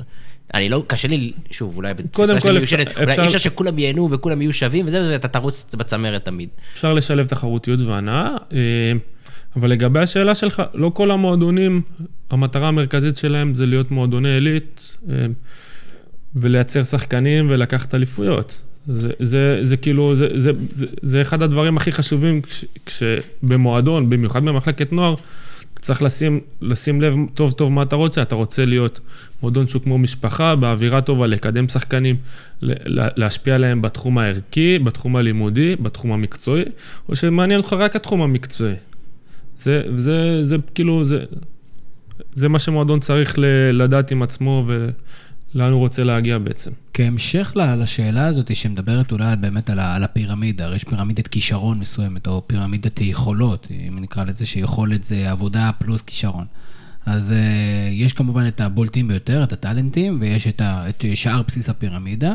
השאלה שלי, האם אנחנו יודעים, מחלקות הנוער והילדים אפילו, לבוא ולעשות אולי אימונים, כמו שיש נגיד בבית ספר, יש אימוני, לימודי העשרה למחוננים, האם אנחנו יודעים לאתגר את המחוננים שלנו כדי שהם יצליחו באמת לפרוץ את הגבולות שלהם? או שהם באותה מסגרת כמו כולם, ועכשיו לך תבלוט, ואנחנו לא יודעים איך לשפר אותך מעבר? אה, שני דברים בנושא. אה, אני יכול להגיד שאני עשיתי את הפרויקט במכבי, אה, עבדתי ברמה של, גם עם שחקנים שכבר היו שחקני נבחרת. נבחרות נערים ב', נערים א', אבל שחקני נבחרת. ואחרי חודש, חודשיים של אימונים, הם אומרים, באים ואומרים לי ולשותף שלי, תקשיב, בחודשיים אני פתאום יודע מה לעשות יותר עם הכדור, אני יותר רגוע עם הכדור. אה, אני יודע מתי לוחצים אותי, מתי לא לוחצים אותי, אני יודע למי למסור. זה קשור לנושא של התמצאות במרחב. אה, אני טיפה ארחיב על זה רגע, ואז אני אחזור לדבר השני. אה, התמצאות במרחב, אנחנו מלמדים את השחקנים לחשוב לפני שהם מקבלים את הכדור לרגל. אנחנו הרבה, הרבה פעמים רואים שחקן שמקבל את הכדור לרגל, ואז מתחיל לחשוב מה הוא רוצה, מה לעשות עם הכדור. עכשיו, ההבדל יכול להיות של שנייה, או של שתי שניות. כשאתה ברמות הגבוהות, ההבדל הזה של השנייה או שתי שניות זה הבדל בין, אה, סתם דוגמה, לעלות לאליפות אירופה, או לעלות לאיזה צ'מפיונס ליג או משהו, לבין לא לעלות לצ'מפיונס ליג. ההבדל הזה של השנייה, של השתי שניות. או במיקרו, בין אה, עיבוד כדור וספיגת שער, לבין אה, לחתוך מהר את הלחץ ולצאת קדימה. בדיוק. אה, ולגבי הפירמידה, עוד פעם, לדעתי הגישה היא מאוד ברורה, ככל שהבסיס למטה יותר רחב ויותר גדול, הסיכוי שייצאו לנו שחקנים יותר טובים למעלה הוא סיכוי יותר גדול. אה, אם יהיה לנו בסיס פירמידה של, סתם אני אומר, 100 שחקנים, הסיכוי שיצא שחקן בטופ הוא 1 ל-100. ככל שהבסיס יהיה יותר רחב, ככה הסיכוי לגדל יותר שחקנים. עכשיו אנחנו מדברים, אז נכון, אנחנו לא כמו גרמניה ולא כמו ספרד, שיש לנו פה 70-80 מיליון תושבים, אבל יש, יש המון דוגמאות של מדינות קטנות, קרואטיה, איסלנד, שאנחנו רואים שהם באופן קבוע עושים הישגים מאוד מרשימים עם כמות של תושבים. איסלנד לדעתי אפילו פחות מישראל, נכון? הרבה הרבה פחות. אה, יש איזה, זה, זה אגדה, אני מניח שזה די אמיתי, ש... אה, את הכדורגלנים הטאלנטים הכי גדולים שיש, מוצאים אותם בסופו של דבר במקומות אה, קצת יותר קשים, או גדלים בשכונות קצת יותר בעייתיות, וכו' וכו' וכו'. השאלה אם אתם אה, מחפשים שם, מה שנקרא, את, את מי שמתאבד על הכדורגל ושממנו, ואין לו ברירה אלא להצליח. קודם, כן, קודם כל כן, אנחנו מחפשים. אני לא אגלה איפה שלא, שלא יבואו. שלא יבואו. אה, אבל כן, זה... אבל בדיוק חזרתי משם, והרכב שלי, אה, אז כן, אנחנו בהחלט מחפשים. אה, אני יכול להגיד ש... זה נכון, מרגישים את זה גם בגילאים האלה, שילד שהוא... שיש ילדים שרואים שהם זה- אתה יודע, חייבים להצליח? אתה יודע, זה מצחיק. לא יודע אם חייבים להצליח, אבל זה, יותר מתבטא ברעב שלהם לשחק כדורגל. אני מסתכל, זה מזכיר לי, כשאני מסתכל על הילדים האלה שרעבים, זה מזכיר לי את עצמי בתור ילד, לעומת הילדים של היום. אנחנו כל הזמן היינו ברחוב ומשחקים, וה- והכדור היה דבוק לנו לרגל, חוץ מאפילו אולי במיטה לחלקנו, וכל הזמן הכדור היה סביבנו. היום ילדים, יש להם עוד דברים שהם, אה, סוני, אקסבוק, דברים כאלה שהם כל, עושים ו- ולא לא עם הכדור. זה, אגב, זה אחד הדברים הכי, הכי קריטיים שלי בתור מנהל מקצועי, לשנות אצל השחקנים שלי. כל הזמן להכניס להם עוד, עוד תרגילים שיעשו בבית, עבודה אישית, אה, וכדי למנוע מהם את הזמן מסך. זה מאוד קריטי. לי, לי הייתה חוברת לקיץ, חוברת אנגלית, ואבא שלי מכריח אותי לעשות אותה. אה, לאיסלנד יש 340 אלף איש. אה, רק שתבינו. קצת פחות מישראל. קצת פחות מתל אביב. אתה התייחסת לעבודה, גם בהתחלה וגם עכשיו התייחסת לעבודה מעבר לשעות האימונים. וזה נושא שאנחנו שומעים הרבה על הסיפור הזה, וגם שאלנו כמה מרואיינים, ונשמח שתתייחס. אז קודם כל, מה היית, מה האידיאל מבחינתך שבן אדם יעבוד מעבר לאימונים, ואיך הוא יעבוד? כלומר, האם זה צריך להיות בתיאום איתכם, האם זה עם מישהו, איך הוא יודע מה לעבוד נכון? אולי הוא עושה משהו מחוץ לאימון שפוגע בכלל במה שכל מה שאתה אומר לו, אולי הוא הולך לאיזה יועץ שאומר לו, כן, כן, זה נחמד שאומרים לך ככה בקבוצה, אבל תעבוד אחרת לגמרי, או עושה אימון כושר לא נכון, איך אתה עוקב אחרי הדבר הזה? אה, קודם כל, אנחנו גם בשיחה בתחילת שנה, אנחנו מסבירים תמיד להורים וגם לשחקנים, ששלושה או ארבעה אימונים בשבוע הם רחוקים מלהספיק בשביל שיהיה לך סיכוי להיות שחקן. כי על כל שחקן שמתאמן שלושה ארבעה אימונים בשבוע, יש שחקנים שמתאמנים הרבה יותר. השחקנים מקבלים מאיתנו תרגילים בנושאים טכניים, בנושאים אה, אה, גופניים, תרגילי כוח לעשות בבית. אנחנו... שמעתי איזשהו פודקאסט אה, עם מנהל מקצועי של מחלקת נוער, ש... שאמר שהוא לא מבין איך באירופה שחקנים מגיעים שעה, שעה וחצי לפני האימון, ויש מאמן במגרש שעוזר להם לעבודה אישית. שח... מנהל מקצועי ממועדון גדול, וכאילו, אחד הדברים שעשיתי בכוח זה, זה מגרש פתוח, יש לנו, אמנם זה בשעות שלא תמיד נוחות לשחקנים, אבל משתיים וחצי, שלוש, אנחנו פותחים את המגרש, וילדים שרוצים להגיע יכולים להגיע ולהתאמן, ותמיד נמצא שם מישהו שמפקח ו, ובודק. ו... זה נקרא שומר? אה, מאמן, מאמן. אה, אז עוד פעם, אתה יודע, דיברנו קודם על... אני תמיד בעד גישה יצירתית ולחשוב ולמצוא פתרונות לבעיות ולא להתלונן. כאילו זה... שזה תמיד גישה נכונה, אבל בואו בוא נרחיב על זה עוד קצת לגבי ההבדל, אתה יודע, אנחנו מדברים על מהפכת האצטדיונים שיש בישראל, ואנחנו עדיין יודעים שבטח באימוני, המגרשי האימונים עדיין יש דרך ארוכה עד שיהיה לנו מגרשים באמת איכותיים, טובים, שמאפשרים אולי את המגוון הפעילויות המתקדמות ביותר. תראו... איך מפצים את זה בהכוח רמת גן? קודם כל, זה תירוצים, ככה, ככה אני רואה את הדברים. ממש תירוץ, כאילו אנחנו, קודם ברק ציין שדווקא השחקנים הגדולים באים מהשכונות. גדלו בפאבלות. גדלו בפאבלות, בדיוק, ניימר, רונלדיניו, לא גדלו על דשא סינתטי. מסי לא גדל על דשא סינתטי עד שהוא הגיע לברצלונה. זהבי. אה, זהבי, יכול להיות שגדל, לא, גם לא גדל על דשא סינתטי. אה, אבל תראה, אין ספק שדשא סינתטי או מתקנים טובים יכול לעזור. אבל זה בסופו של דבר, ועוד פעם, זה, זה, זה גישה כאילו ש, ש, שלדעתי זו תפיסה מוטית. הדשא סינתטי לא יהפוך את השחקנים ליותר טובים.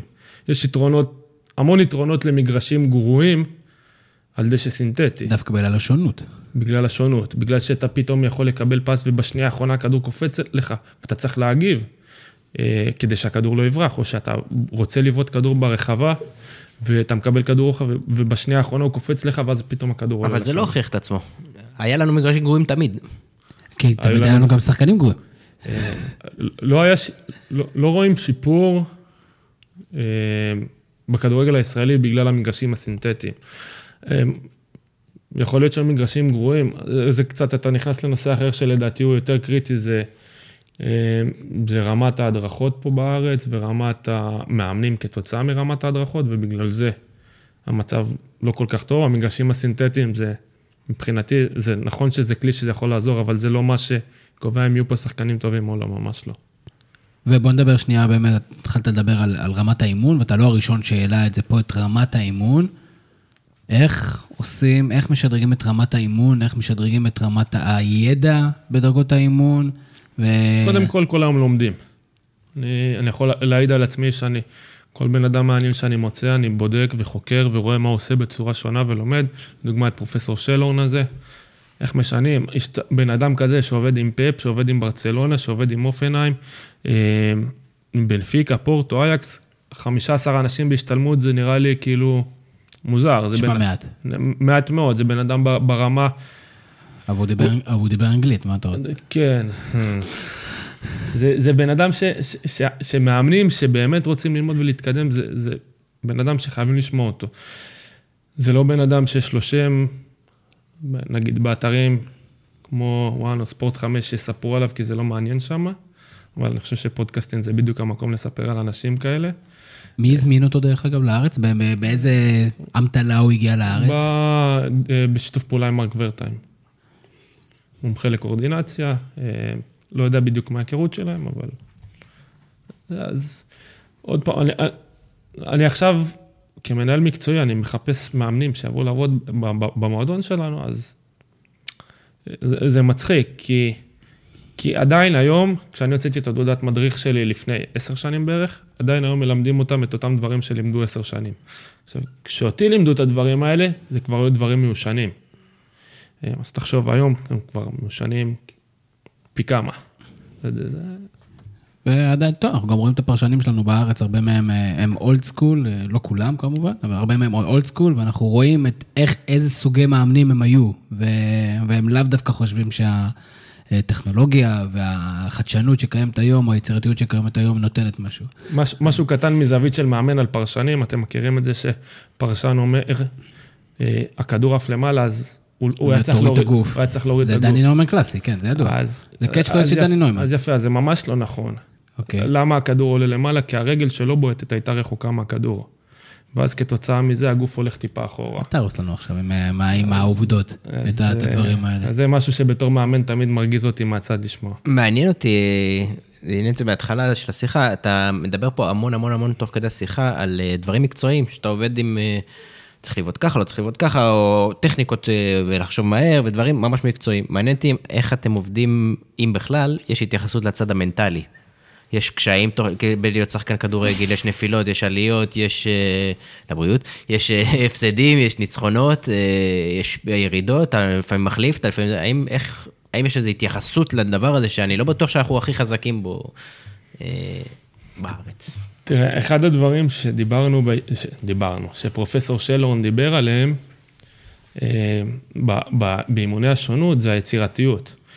אה, ככל שהילד יותר יצירתי, עוד פעם, זה דברים שהוא, שהוא גיבה גם במחקרים, ככל שהילד יותר, יותר יצירתי, אז הוא יותר בטוח בעצמו, הוא משחק יותר מהר, הוא עושה דברים, הוא, הוא מעז לעשות הרבה יותר דברים, כי לא יהיה מישהו שיצעק עליו למה עשית ככה, כי, כי, כי זה חלק מהבסיס של האימון וזה חלק מהתהליך למידה. ואז הדברים שדיברת עליהם, האימון מנטלי, עוד פעם, זה גישות, בסופו של דבר, אין, אין נכון ולא נכון בכדורגל. הוא, הוא, פרופסור שלורן לא מאמין באימון המנטלי בכלל. הוא אומר ש, שהאימון המנטלי זה תוצאה של דברים שלא לא עשו בצורה נכונה בפיתוח של הילדים, בפיתוח של השחקנים. ואז כתוצאה מזה שהילד הוא, הוא לא יצירתי, אז הוא מפחד לעשות דברים. ואז כשאתה רואה את זה במשחק, אז הילד מפחד לעשות פס לצורך העניין. זה- ו- ו- ומשם זה מתגלגל. אז אימון מנטלי, עוד פעם, זה, יש, יש בזה המון אספקטים טובים, אני בטוח ש, שיש המון שחקנים שזה עוזר להם, זה עוזר להם בגלל שבתור ילדים יותר צעירים לא עבדו איתם בצורה שהיא יותר נכונה, ו, ו, והבעיה הזאת בסופו של דבר רק גדלה עם השנים.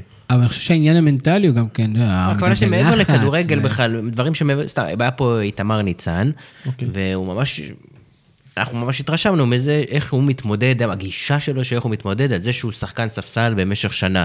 שהוא, זה ההפך, זה מדרבן אותו לעבוד יותר קשה, ולא להתבכיין, ולא להתקרבן, ולא, דיברנו על זה גם בתחילת הפרק. השאלה, איך מלמדים דברים כאלה את השחקנים הצעירים? איך, איך פונים, הצד המקצועי, אוקיי, הוא צד מקצועי, שהוא קשה, אבל יש צד לא פחות חשוב. איך מלמדים שחקן לשבת שנה על הספסל? לא, איך מלמדים שחקן להתמודד עם מצבים בראש, בראש, שקשה לה- להישאר, להיות, כמו שאתה אמרת, להסתכל על הדברים החיוביים, או לא להישבר, או... חטפת שער באשמתך, איך אתה מרים את עצמך, איך אתה מבין שלא אכזבת את כולם וזה רק חלק מהמשחק ולהכניס פרופורציות?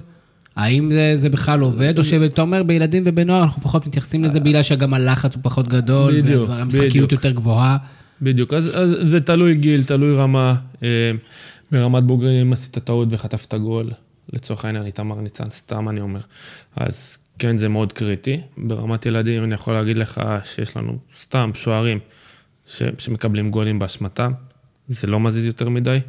אה, לפעמים זה, זה קצת קטע מצחיק, אמרת איתמר ניצן, זה כאילו, חלוצים יכולים להחמיץ ולהחמיץ ולהחמיץ, אבל שוער עשה טעות אחת וכאילו הפסדנו 1-0, ואז השוער נכון, בגלל זה- אשם. בגלל זה המעמד. המנטלי הוא קשה, במיוחד כשיש גורמים נוספים, כמו תקשורת, כמו אה, עוד עיניים. אז, אז, אז אני בתור מאמן מזווית מקצועית מסתכל על הדבר, על, על הדבר הזה בצורה מאוד שונה. מפסידים ביחד, מנצחים ביחד. אם, אם השחקנים היו מבקיעים, אז הגול שהשוער ספג לא באמת היה משנה. היה שחקן שהגיע לפני כמה שבועות למספר מצבים, ובסוף עשה פנדל והפסידו את המשחק וזה. אז אם היה מפקיע ארבעה מתוך השבעה מצבים שהוא הפקיע, הפנדל שהוא היה עשה לא באמת משנה, ולא היה כל מיני, כזה, טררם סביבו. ברור. אה, אביב טרחו, כמו שאמרנו בשבועות האחרונים, כמה שחקני ליגת העל פה, ו- וניסינו להבין מהם, האם הם חלמו כשהם היו קטנים על התפקיד שלהם במגרש, האם איתמר ניצן אה, חלם להיות שוער, או שעודד גביש חלם להיות בלם, אה, והאם בגלל זה הם בסופו של דבר התפשרו, או שבאמת הלכו אחרי החלום שלהם. הניסיון שלך, האם באמת כולם רוצים להיות חלוצים, או שזה, היחס הוא יותר אה, מגוון? אה, אני חושב, אולי בגילאים הממש קטנים יש את הרצון הזה להיות חלוצים יותר, כי זה יותר אלה שמקבלים. למרות שהיום זה כבר לא כל כך כמו בעבר לדעתי. אה, החלוצים אלה שמקבלים יותר את הפוקוס, את הקרדיט, את הגולים. אבל ככל שעולים בגילאים, גם בגילאי 10-11 יש ילדים ש, שרוצים להיות בלמים, רוצים להיות הטובים הם מגנים. תמיד החלוצים? אתה אתה שם את השחקנים הטובים מקדימה? השאלה מה זה טוב. הכישרוניים. שונים, כן.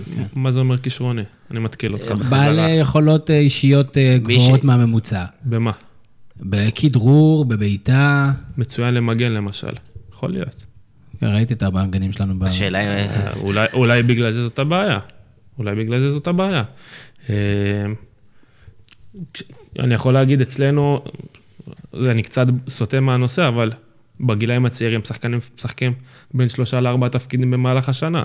אה, נכון, תפקידים שאנחנו כן מנסים להתאים להם על פי היכולות שלהם ועל פי, אה, על פי מה שהם מביאים למגרש, על פי האופי שלהם, אבל אני, אני לא אקח חלוץ ואתן לו לנסות להיות שוער, כן, אבל כן אקח חלוץ ואתן לו לשחק להיות קשר אמצע, או מגן ימני, או קשר על הקו, אה, וכן, כן, שיחווה וילמד את המשחק בצורות שונות.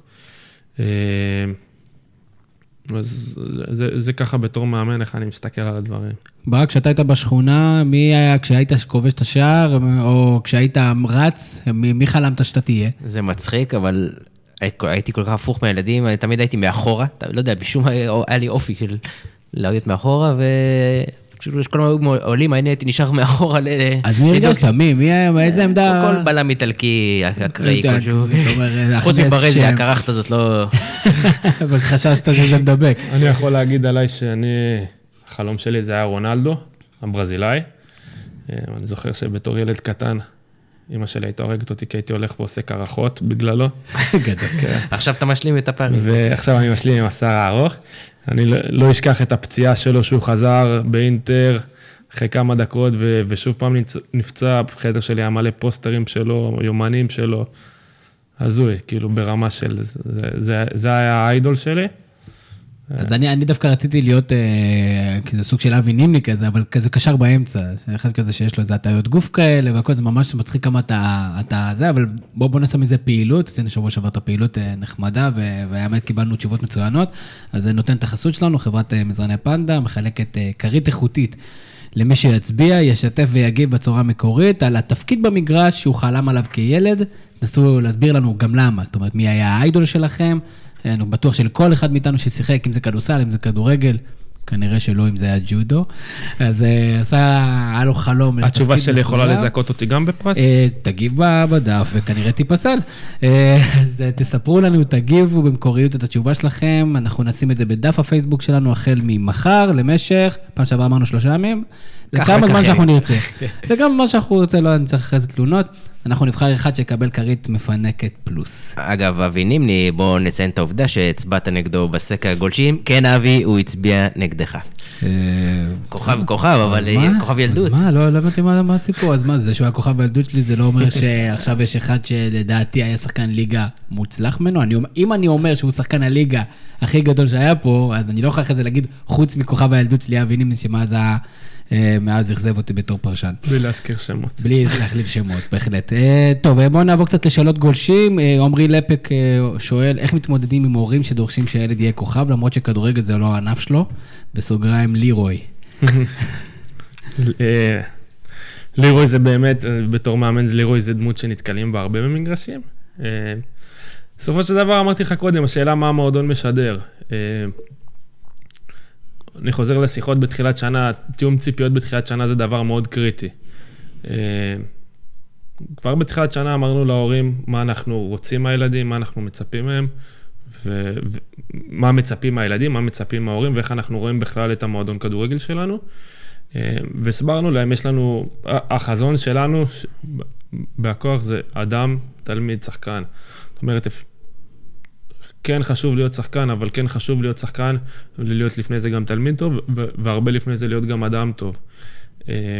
זה מרתיע אנשים שהם אה, מאוד תחרותיים ורוצים שהבן שלהם יהיה הכוכב? זה מרתיע אותם שהם אומרים, אוקיי, השחקן פה לא הראשון?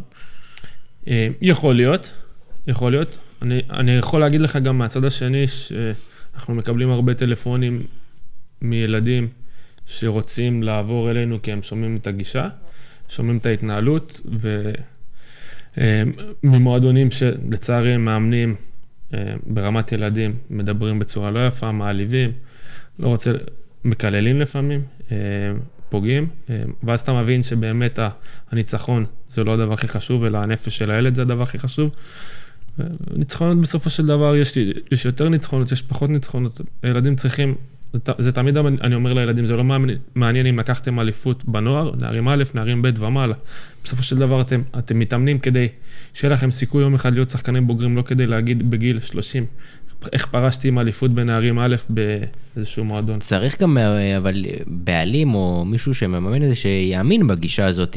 ואני, זה מתחבר לשאלה שלי, שאני שואל, האם בכלל יש משהו כלכלי לדבר הזה? האם בסופו של דבר, אם אתה מוכר את זה, כאילו, יש איזה, פה איזה אספקט כלכלי כלשהו, או שזה תרומה לקהילה?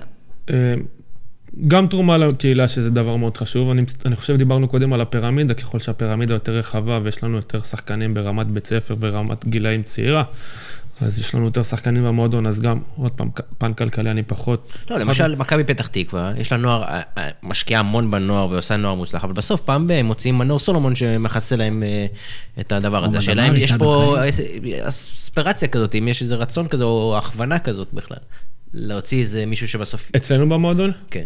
אני יכול להגיד לך שאצלנו במועדון, בשלוש שנים האחרונות, אמנם אי אפשר לקשר את זה רק אלינו, אבל... אמ, לדעתי נמכרו שני שחקנים, עוד פעם, לא ברמה של מנור סולומון, אלא לקבוצות נוער בליגת העל. אמ, אז כן, עוד פעם, זה לא מיליונים, אבל כן שחקנים מתקדמים מהמועדון שלנו. אמ, אני בטוח שזה יקרה יותר ויותר בעתיד. עוד פעם, זה בסופו של דבר מה החזון של המועדון, אם אני רוצה לייצר שחקנים ובמטרה למכור אותם, אם אני רוצה לגדל, כמו שאמרתי, החזון שלנו, אנשים יותר טובים, תלמידים יותר טובים, שחקנים יותר טובים. נשמע נאיבי אפילו. זהו, אה, כאילו, אני מנסה להבין, מי שמממן את זה... זאת אומרת, דרך אגב, זה יכול ללכת יד ביד. זאת אומרת, אנחנו רוצים, אה, השיטה שלנו זה להגדיל את הפירמידה על ידי זה שאנחנו נגדל את האנשים הטובים, שתהיה לנו סביבה טובה וכיפית ואנשים טובים.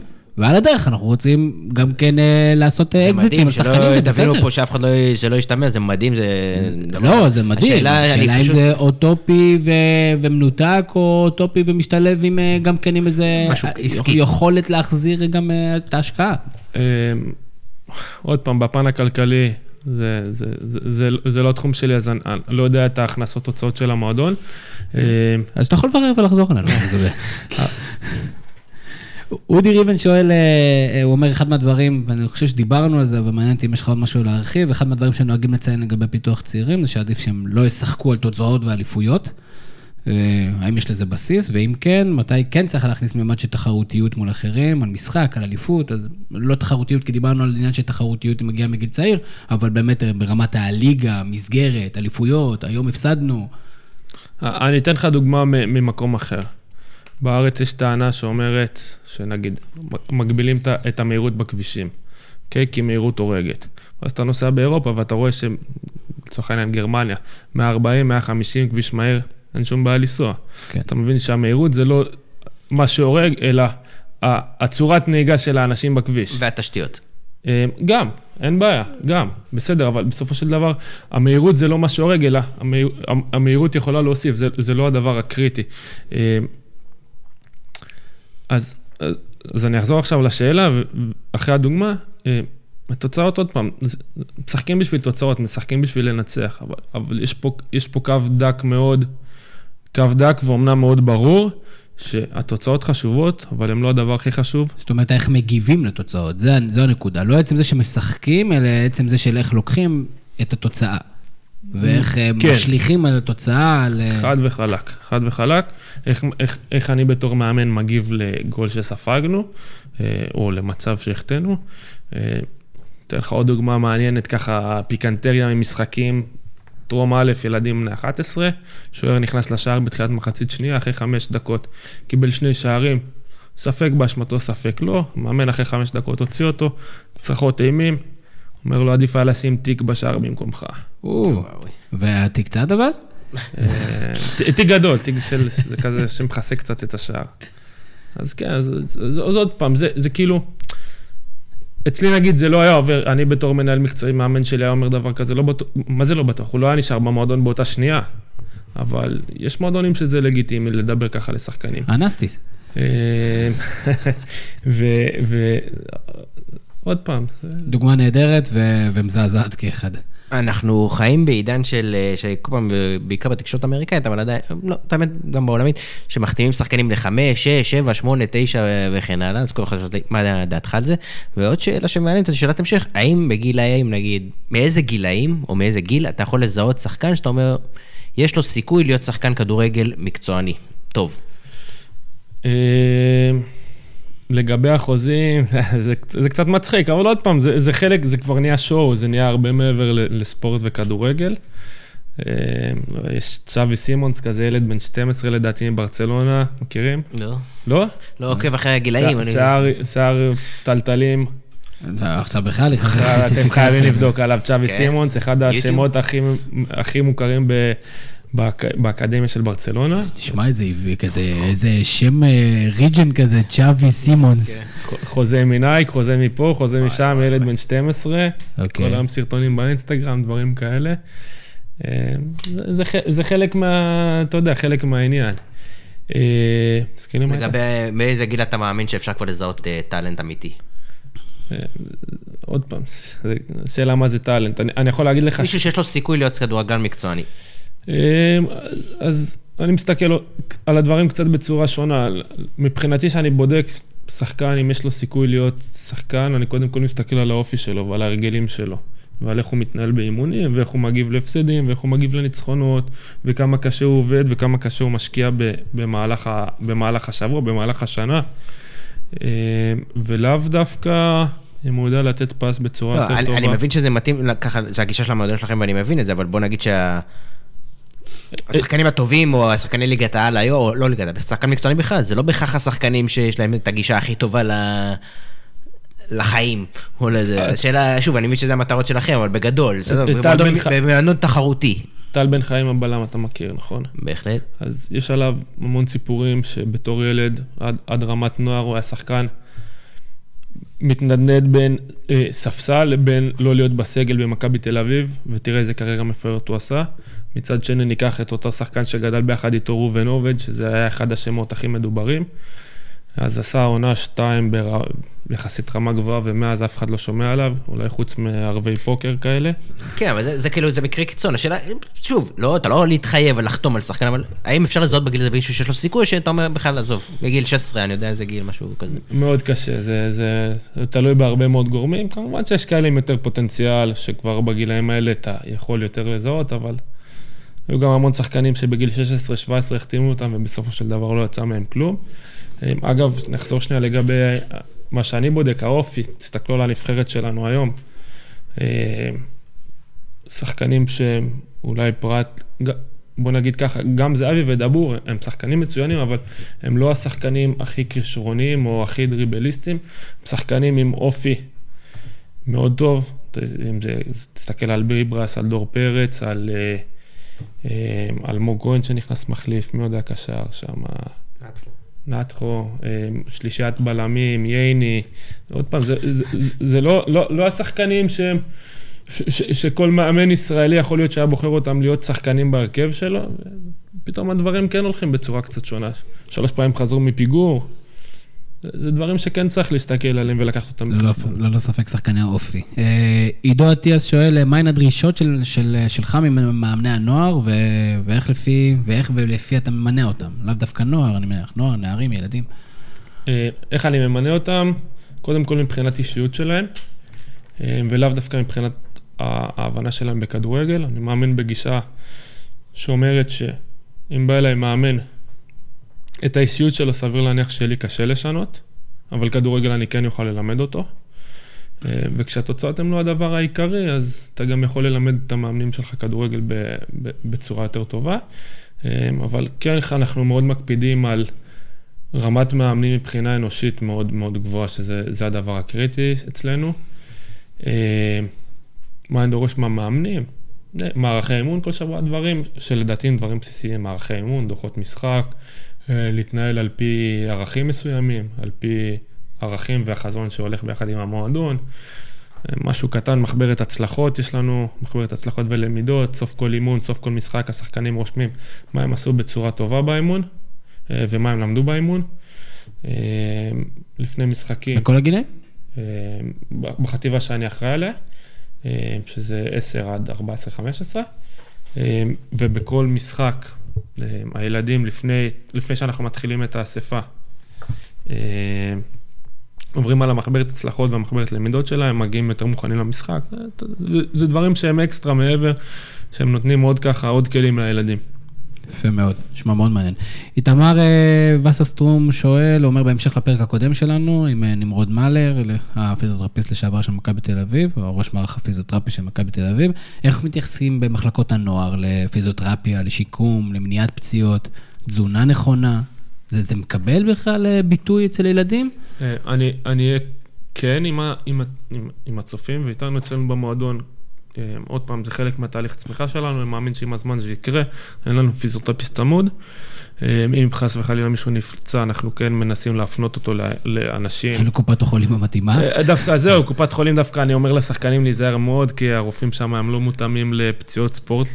אה, אז ללכת לאנשים שכן מתמחים בספורט, זה מאוד קריטי, חוויתי את זה על בשרי דווקא. תזונה אנחנו כן מקפידים. בנושא של שיחות, גם תחילת שנה עשינו שיחות, יש שחקנים שצריכים יותר להקפיד איתם, אז אנחנו עושים יותר שיחות, אנחנו, אה, יש תפריטים, שחקנים קיבלו תפריטים, מה לאכול, מתי לאכול, איך לאכול. דבר בסיסי שקורה אצלנו, אני לא יודע אם זה קורה בעוד, אני מניח שזה קורה גם בעוד מקומות, סוף אימון, פרי במקום איזשהו ארטיק או נקניקייה בלחמניה. אה, יש דבר כזה שלא תקבלו שחקן? זה כאילו יש איזה תנאי סף, או שזה חוג, כל אחד יכול? או שזה חוג? כן. אה, מבחינת מה? מבחינת יכולת? כן. אה, כן, בוודאי. אה, בשביל זה יש לנו את הבית ספר לכדורגל. גם לא כולם רוצים להיות שחקני ליגה. יש, יש ילדים שזה מספיק להם לבוא פעמיים בשבוע לבית ספר עם החברים, לשחק קצת כדורגל, ליהנות, ללמוד, ו- ולא לא, לא מעניין אותם להיות שחקני ליגה. אנחנו, כמו שאמרתי קודם, הקבוצות ליגה שלנו הן, תחרותיות, אנחנו לא, לא, לא, לא לא ניקח 40 שחקנים לקבוצה בשביל להגיד שיש לנו קבוצות גדולות. אה, אנחנו ניקח שחקנים שהם טובים, שיכולים לעזור לנו, לקדם אותנו, אבל... מעניין. יוסי הראל אה, שואל אה, שלוש שאלות, לדעתי החלק ענינו. הוא שואל, א', מה המטרה של מחלקת נוער במועדון בסדר גודל של לקוח? אני חושב שדיברנו על זה. אדם תלמיד שחקן. זה יפה, זה היה כל מיני סיסמאות כאלה לקראת הבחירות. שתיים, הוא שואל, האם בכלל יש לכם אפשרות לשמור על הכישרונות הגדולים שלא יעברו למחלקת נוער בחירות? הרי יש איזה תקופת גיל מסוימת שהם יכולים לעבור בצורה חופשית, לא? לא נפתח את זה עכשיו שלא, שלא ישמעו וילמדו מה החוקים.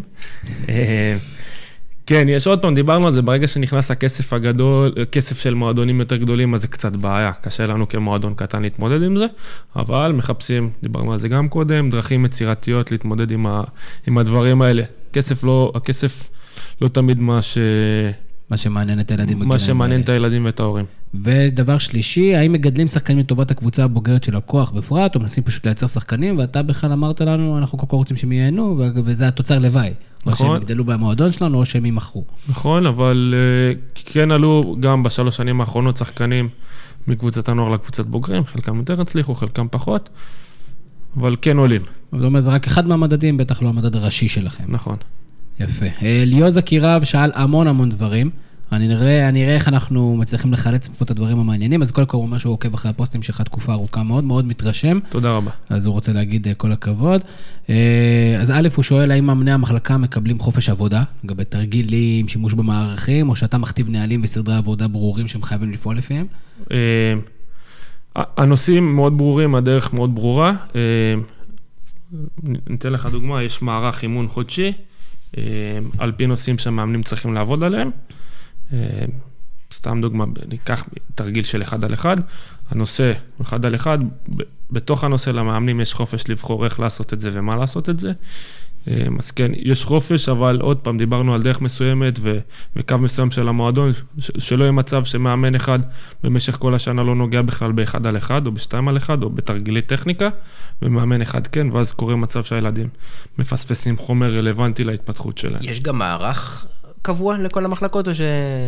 כאילו, יש תמיד את הדוגמה של ברצלונה, 4-3-3. שמשחקים באותו שיטה, אותו מערך, לאורך כל המחלקות שלהם. אז אני יכול להגיד לך עליי שבתחילת השנה רציתי לנסות לעשות את זה, אה, אבל אנחנו בסופו של דבר צריכים להתאים את המערך לחומר שחקנים שיש לנו. אז יכול להיות שקבוצה אחת, נגיד, יותר מתאים ל-4-3-3, קבוצה אחת יותר מתאים ל-3-5-2, בשמיניות זה קבוצה אולי מתאים ל-3-3-1 או 2-4-1, זה- תלוי, אנחנו מתאימים את זה לחומר.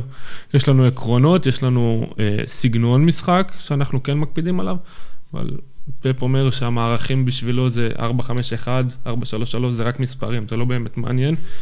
בסופו של דבר בהתקפה, 90, 99% מהזמן לא משחקים באמת 4-3-3, גם עוד- במיוחד אצל פפ.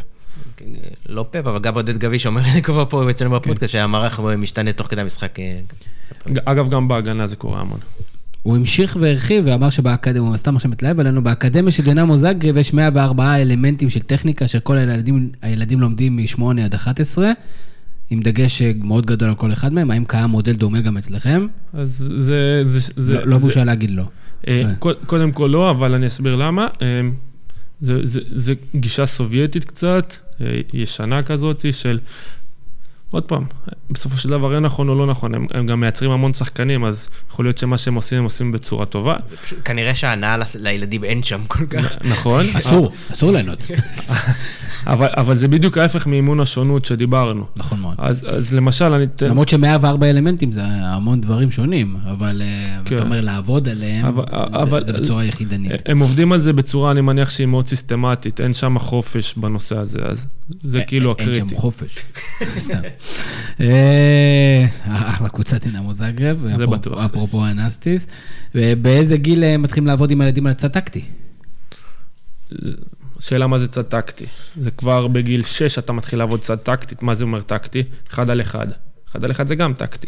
טקטיקה... לא, נגיד, אתה מגן ימני, אתה חורש את הצד הזה, לא עולה מעבר בוא לקו הזה, לא יורד מתחת לקו הזה. בואו נעשה קצת, נסבר את האוזן ונסביר למאזינים קצת בצורה יותר טובה. טקטיקה מתחלקת לשלושה נושאים, טקטיקה אישית, טקטיקה צוותית וטקטיקה קבוצתית. טקטיקה אישית זה אחד על אחד, יכול להיות שתיים על אחד אם אני השחקן הגנה, שלוש על אחד אם אני השחקן הגנה. טקטיקה צוותית זה כבר עבודה של משניים, שלושה, ארבעה שחקנים, חמישה שחקנים ביחד. טקטיקה קבוצתית זה כבר כל השישה ומעלה. אה, אז זה, עם הגיל זה עובר מטקטיקה אישית לטקטיקה טקטיקה צוותית לטקטיקה קבוצתית. קבוצתית ברמת העיקרון אמורה להתחיל באזור הגילאי 13-14. אה, בסופו של דבר אנחנו צריכים לזכור שהמשחק המסובך הזה של כדורגל מורכב מהרבה, הגדול הזה של 11 על 11, אה, מורכב מהרבה מאוד סיטואציות של, אה, של, משח... של מצבים של 1 על 1, של 2 על 1, של 2 על 2, מזה מורכב המשחק. אם נדע לפתור את, הנוס... את הטקטיקה האישית והצוותית בצורה טובה, אז הטקטיקה הקבוצתית כבר תהיה באופן אוטומטית הר- הרבה יותר טובה. תשובה מרתקת. דרך אגב, אמרת שיש אה, טקטיקה צוותית, ואז אה, פרט, חוליה וכל זה, אז יש גם כן אה, תרפ"ל כזה, שכל כל ה... כולם יושבים ביחד. אני במושגי צבא מאוד חלש. אתה נשמע כאילו אתה מאוד חזק. אה, יש עוד אה, כמה שאלות, אני אשאל רק את השאלה האחרונה, באיזה גיל קובעים באיזה עמדה כל שחקן ישחק, או האם יש קריטריונים ברורים לכל עמדה שעל פיהם המאמן קובע את התפקידים? אה, אמרתי, בחטיבה שלנו, בחטיבה שלי, אה, שזה עד גיל 15, אנחנו מצפים שכל שחקן ישחק בשלושה או ארבעה תפקידים שונים. אמ, אני יכול להגיד לך שעבדתי גם בגילאים יותר גדולים, גם בהכוח בנערים, אה, נערים ב', שזה ילדים בני 16, משהו כזה. גם שם הייתי נותן לשחקנים לשחק בתפקידים שונים. אמ, אז עוד פעם, זה, זה תלוי, תלוי יכולת ותלוי אופי של שחקן. מתחבר למשחקים של הנבחרת, אמ, אתה רואה הרבה ילדים, אתה רואה, לא רק מהקבוצה שלך, בכלל ב...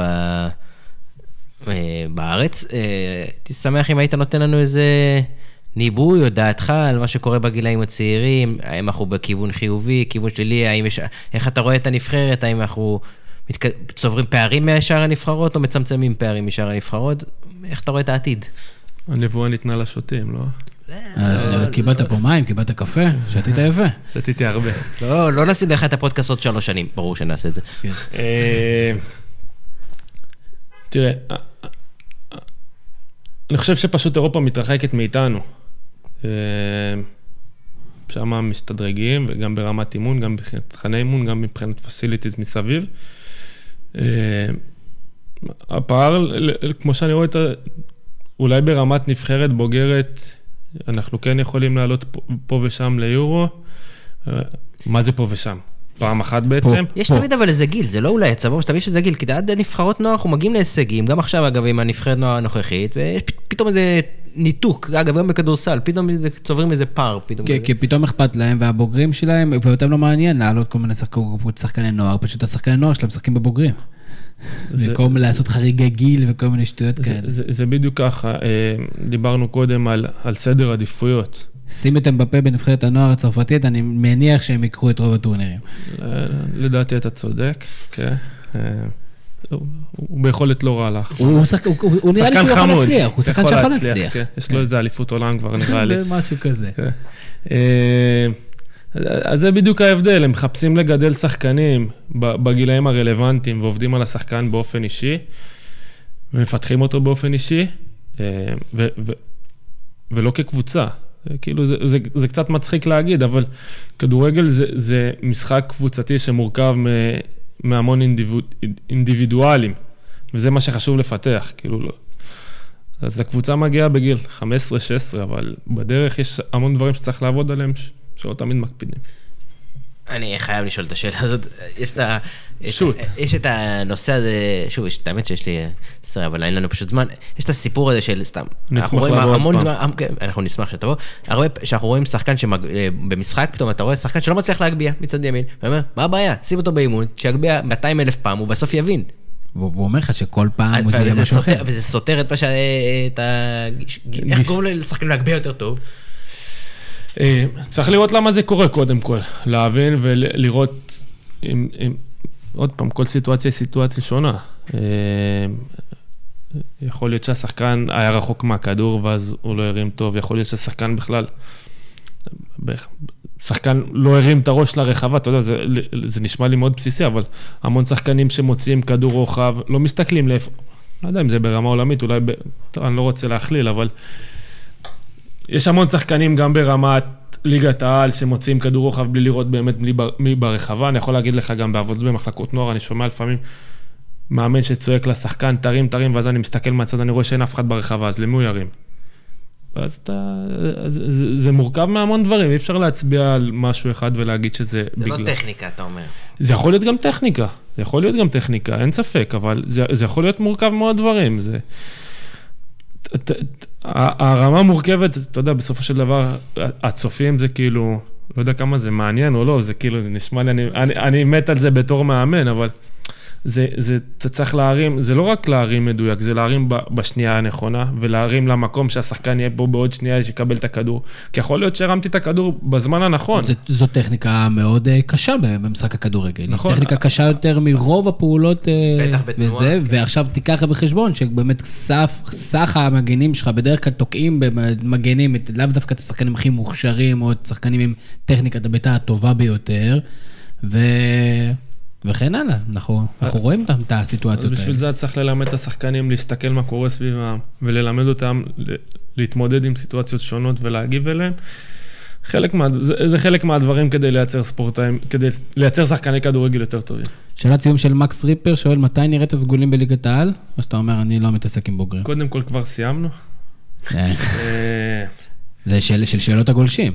תראה, התקווה שלי כמה שיותר מהר. אני, אני באופן אישי מאוד מחובר למועדון הזה, אז אני מקווה שהם יגיעו כמה שיותר מהר לבוגרים. אה, לליגת העל, סליחה. אז מה אני אעשה? יגיד את שלו, אני יודע.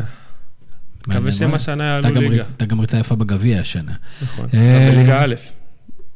קרב, קרב מאוד קשה עם אחת הקבוצות מכפר קאסם. לא יודע להגיד לך מה השם המדויק. אה, כפר קאסם, זה בסדר. אה, לפני שאנחנו נסיים, נזכיר לכם את הפינה שלנו, חולמים בגדול. תגיבו לנו בבקשה בדף הפייסבוק שלנו או בקבוצת הגולשים לגבי מי הם השחקנים הבאים שאתם רוצים שנזכור במסגרת הפינה. אני מזכיר לכם, דיברנו על אלי דסה, דיברנו על מוחמד עוואד, דיברנו על דוד קלטינס, והפעם על אריאל הרוש. תספרו לנו מי אתם רוצים. אה, אנחנו מזכירים לכם שהפינה היא בחסות אה, מזרני פנדה, מזרן אה, מספוג אה, זיכרון.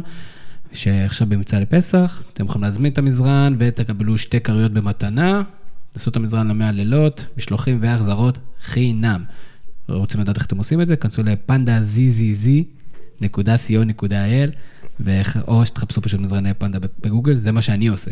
זה ברק, זה גם מה שאתה עושה, זה זוכר שאמרת לי. ואנחנו נזכיר לכם גם את הפעילות שלנו ממחר בדף הפייסבוק שלנו. תספרו לנו בצורה מקורית על אה, תפקיד במגרש שחלמתם להיות כשהייתם ילדים. אה, אני למשל אהבתי להיות קשר שמאלי. תפקיד ושחקן. ותפקיד וגם כן את השחקן, תספרו לנו את זה ככה מתובל בהומור ובנחמדות, ותוכלו לזכות בכרית מתנת. מזרני פנדה. אה, זהו, לקראת סיום אנחנו מזכיר לכם שאתם יכולים לשמוע אותנו בכל פלטפורמה קיימת, אפשרית. כמובן שנשמח שתעשו את זה דרך האתר שלנו, וגם כן ככה תוכלו להתעדכן בתכנים שלנו. אתם מוזמנים לדרג אותנו, כדי שיהיה לנו הרבה דירוגים וזה יהיה מגניב, ונוכל לספר לכם, בואו, בואו, בואו, תראו, הוא דירג אותנו, זה מגניב. אביב אה, ריין, שמחנו, וכמו שראיתם, אה, כמו שראית, גם כן אה, מאוד התלהבנו עם השאלות. מה נאחל לך? לק... לייצר הרבה שחקנים. שיהיו שחקנים שיגידו, כן, עבדתי עם אביב. אה, שיהיו שחקנים, זה פחות מעניין שיגידו עם שיהיו הפרטים. אנשים, שגידלת שיהיו אנשים אנשים, טובים. נכון, אנשים טובים, ותלמידים טובים. שחקנים טובים. פחות מעניין שיגידו אם הם הצליחו עם אביב או לא, זה... תשובה מושלמת. אה, תשובה דיפ- דיפלומטית נהדרת לתקופה הזאת של הבחירות. ברק קורן, אה, כרגיל, האיש שמייצר את כל הסאונד הזה, אז אה, תודה רבה. תעקבו אחרי אביב בפייסבוק. תעקבו אחרי אביב, באמת מרתק. אפשר משפט לסיכום? בטח. משפט ככה, בסופו של דבר אנחנו רואים את השחקנים בליגת העל. זה- הם, הם, אשם, הם, הם לא אשמים במצב, מי שאשם במצב זה מי שעבד איתם. זה, זה, זה, זה, זה לא רק שחקנים בליגת העל, אני תמיד אומר, אה, אל תשאלו אה, מי אשם, אלא מי לימד אותו. זה, תאשים אותו. כן, זה כזה. כמו שיש שחקנים כזה, למה הוא משחק פה בכלל? תשאל את המאמן, אני הוא חושב ש- שם אותו. אני חושב שאנחנו גם צריכים לאמן קצת אוהדים. זה באמת. פרק, אה, זה באמת פרק בפני עצמו, להביא פה כמה אוהדים לנסות לראות איך אנחנו נשפר את התרבות שלנו מהצד הזה. את הרמת אה, הבנה. כן, לא רק את הרמת הבנה, גם קצת פרופורציות, סבלנות, אהבת אדם, מנסים. דברים כאלה. אנחנו מנסים קצת לשנות את השיח, מקווה שאנחנו מצליחים. אני הייתי אה, תמיר זוארץ, שיהיה לכם המשך ערב. נהדר. יש לי פודקאסט, מה זה פודקאסט? זה כמו חדשות. יש לי פודקאסט, מה זה פודקאסט? זה כמו חדשות.